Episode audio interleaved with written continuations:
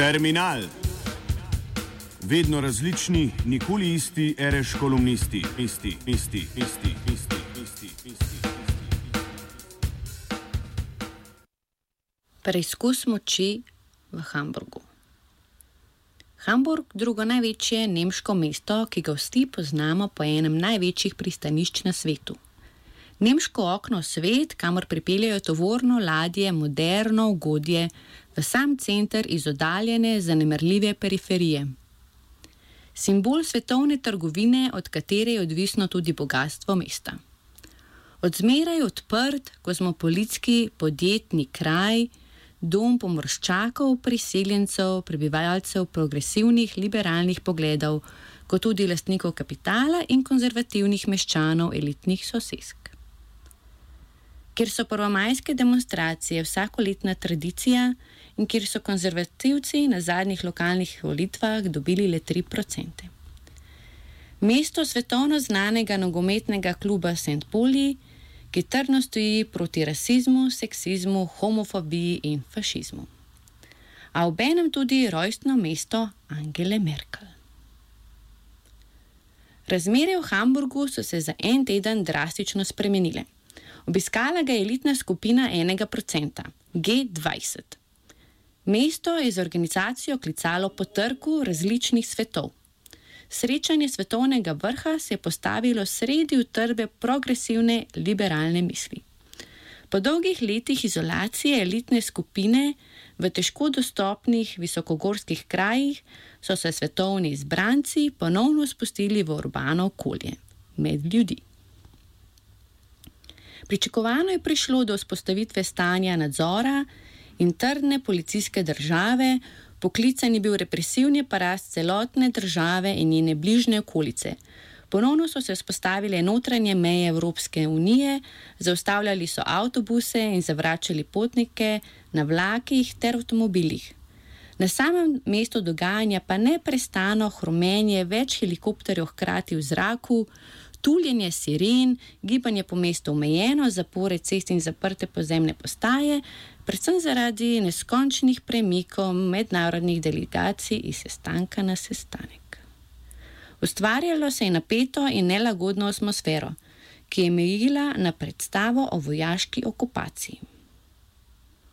Lahko se upravičeno sprašujemo, ali je Hamburgu prišlo do preverjanja terena, kakšen bo lahko odpor in kdo ter koliko si upa saj je mesto polno tradicionalnih radikalnih praks upora in zdi se prav idealno za tak preizkus družbenega termometra. Upala bi si trditi, da je šlo za razkazovanje moči postkriznega momenta in morda tudi za preizkušanje novih taktik policije za zatiranje upora. Ampak zakaj je Hamburg zares še danes pomemben? ne toliko zaradi sklepov političnega vrha G20, ne zaradi Erdogana, ki ni smel nagovoriti svoje turške diaspore, in ne zato, ker Melanija ni mogla zapustiti hotela zaradi demonstracij G20 Welcome to Hell. Pomemben je bil zaradi zavedanja, da so bile ulice Hamburga le odsev in odziv na aktualne globalne realnosti ki večini zemljank in zemljanov povzroča veliko skrbi, žalosti, razočaranja in tudi jeze, ki izvirajo iz izkušnje prekomernega človeškega in okoljskega izkoriščanja, posledic podnebnih sprememb, pohlepa finančne industrije in uspona fašizma. Hamburg simbolizira trg sicer sporednih, a različnih svetov. Trg, ki je bil neizogiben trg enega procenta z raznolikimi družbenimi gibanji, ki imajo načeloma nesebične zahteve. Elitna skupina 20 najvplivnejših in najbogatejših ekonomij na svetu nima ne uradnega naslova, ne sekretarijata. Je neformalna skupina, za katero velja demokratični deficit. Sa njenih odločitev ali dejanj ne ureja mednarodno pravo in kot skupina ni odgovorna predstavniškim telesom. Agenda in prioritete srečanja so odvisne od predsedujoče članice, ki pa pol leta ki pa se na vsake pol leta zamenja. Včeraj Kitajska, sedaj Nemčija, jutri Argentina. Je ekskluzivni klub z velikim nadzorom in vplivom. A njenih 20 držav članic predstavlja samo 10% vseh 193 držav članic Združenih narodov. Zanimivo je tudi, da 20. članica ni država, ampak je regionalna zveza, Evropska unija, z enim sedežem, ki predstavlja vseh 28 njenih držav članic, tudi Slovenijo. Medtem ko so Nemčija, Francija, Italija in Združeno kraljestvo hkrati tudi posamezne članice skupine. Najprej so se sestajali le finančni ministri in guvernerji centralnih bank, prvič leta 1999, da bi se spopadli s posledicami finančne krize v vzhodni Aziji. Po razmaku finančne krize 2008 je skupina G20 začela srečanja tudi na ravni voditeljev držav. Res pa je, da se voditelji sestajajo letno, njihovi različni predstavniki, finančni ministri in guvernerji pa se srečujejo pogosteje. Vsako leto poteka več kot 70 srečanj. Tako se lahko strinjamo, da imajo glavno besedo finance in skrb za rast, investicije, infrastrukturo, makroekonomijo in podobno. Skupina je predvsem sporna, ker se je opredelila kot primarni forum za mednarodno gospodarsko sodelovanje. Deluje kot svetovni usmerjevalni odbor v odnosu do množice drugih mednarodnih institucij. Kar je dogovorjeno na popolnoma neformalni ravni, brez pravne podlage, odgovornosti in brez transparentnosti ter z demokratičnim deficitom, se potem implementira tudi na formalni mednarodni ravni.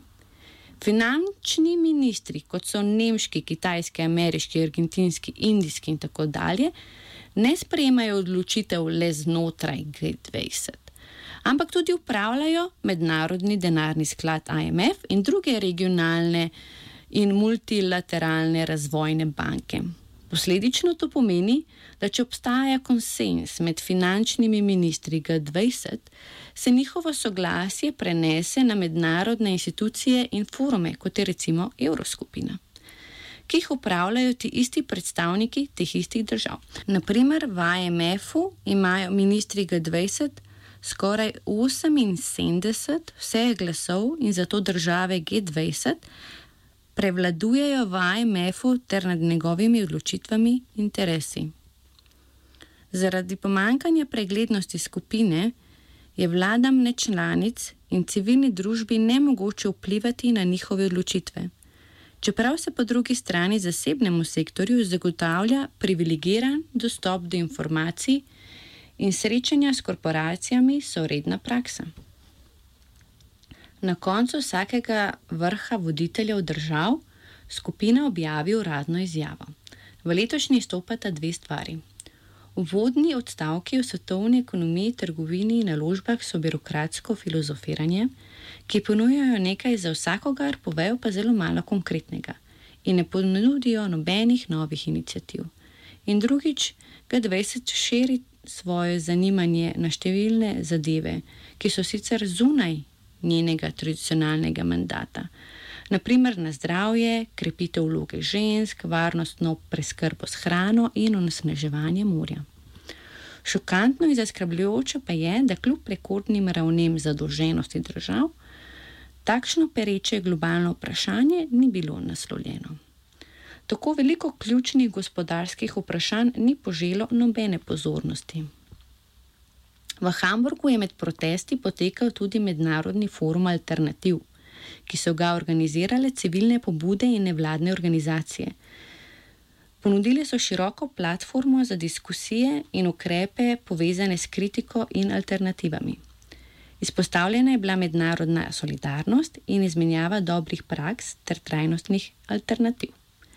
Na eni od delavnic je bilo govora tudi o Balkanu o problemu rasti zadolževanja ljudi, držav in možnih praksah ter mehanizmih, kako osvoboditi, osvoboditi regijo izpod primeža neodgovornih finančnih sistemov. Ta raznolika družbena gibanja niso nov pojav. Ni prišlo do prebojenja, intenzivno brbota že nekaj časa. Ne pozabimo na sodobnejše nasilne izkušnje Sietla 1999, Ženovo 2.1 in Kopenhagen 2.9. Pred časom pa tudi na zasedbe univerz in mestnih trgov, od trga Tahrir v Kajru, Cokoti park v New Yorku, Španije in do francoskih nočnih vstaj. Že leta 2011 so si družbena gibanja prislužila veliko pozornost za letno naslovnico revije Time, je, ki je krasilo tako imenovano leto protestov zaradi njihovega močnega političnega naboja. Te zadnje zasedbe so prve začele naslavljati globalni finančni kapitalizem in moč enega procenta kot problem. Gibanja so zahtevala povrnitev javnih prostorov in vključevanje v razprave o ekonomski in politični neenakosti. Razumevanje politike in potencial za razvoj strategij za politično delovanje sta ne glede na njihovo organizacijsko obliko njihova bistvena dediščina.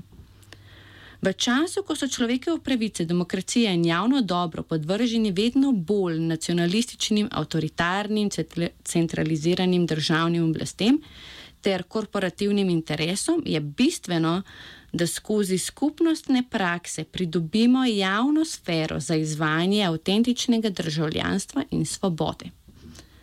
Zato je bila toliko bolj pomembna glasna in vidna prisotnost vseh v Hamburgu. Pomembno je bilo izraziti skrb glede pravičnosti, ki se upogiba zahtevanim stopnjam rasti in bonitetnim ocenam, ter skrb, da se enakost raztaplja v tržno konkurenco. Nujno je glasno nestrinjanje s trenutno svetovno ureditvijo G20. Saj je očitno, da se je s krizo zmes korporativne in državne oblasti radikalizirala. Hamburg je spregovoril. Urbano okolje, ki je polno drevoredov in zelenja, urejenih in ličnih opečnatih pročeli nizkih stavb, ki rastejo vzdolž rečnih kanalov in pristanišča. Mesto, kjer je bilo nasilje v dneh srečanja G20 samo del slike in ne prevladujoči del upora. Terminal pripravila Aida Pistotnik.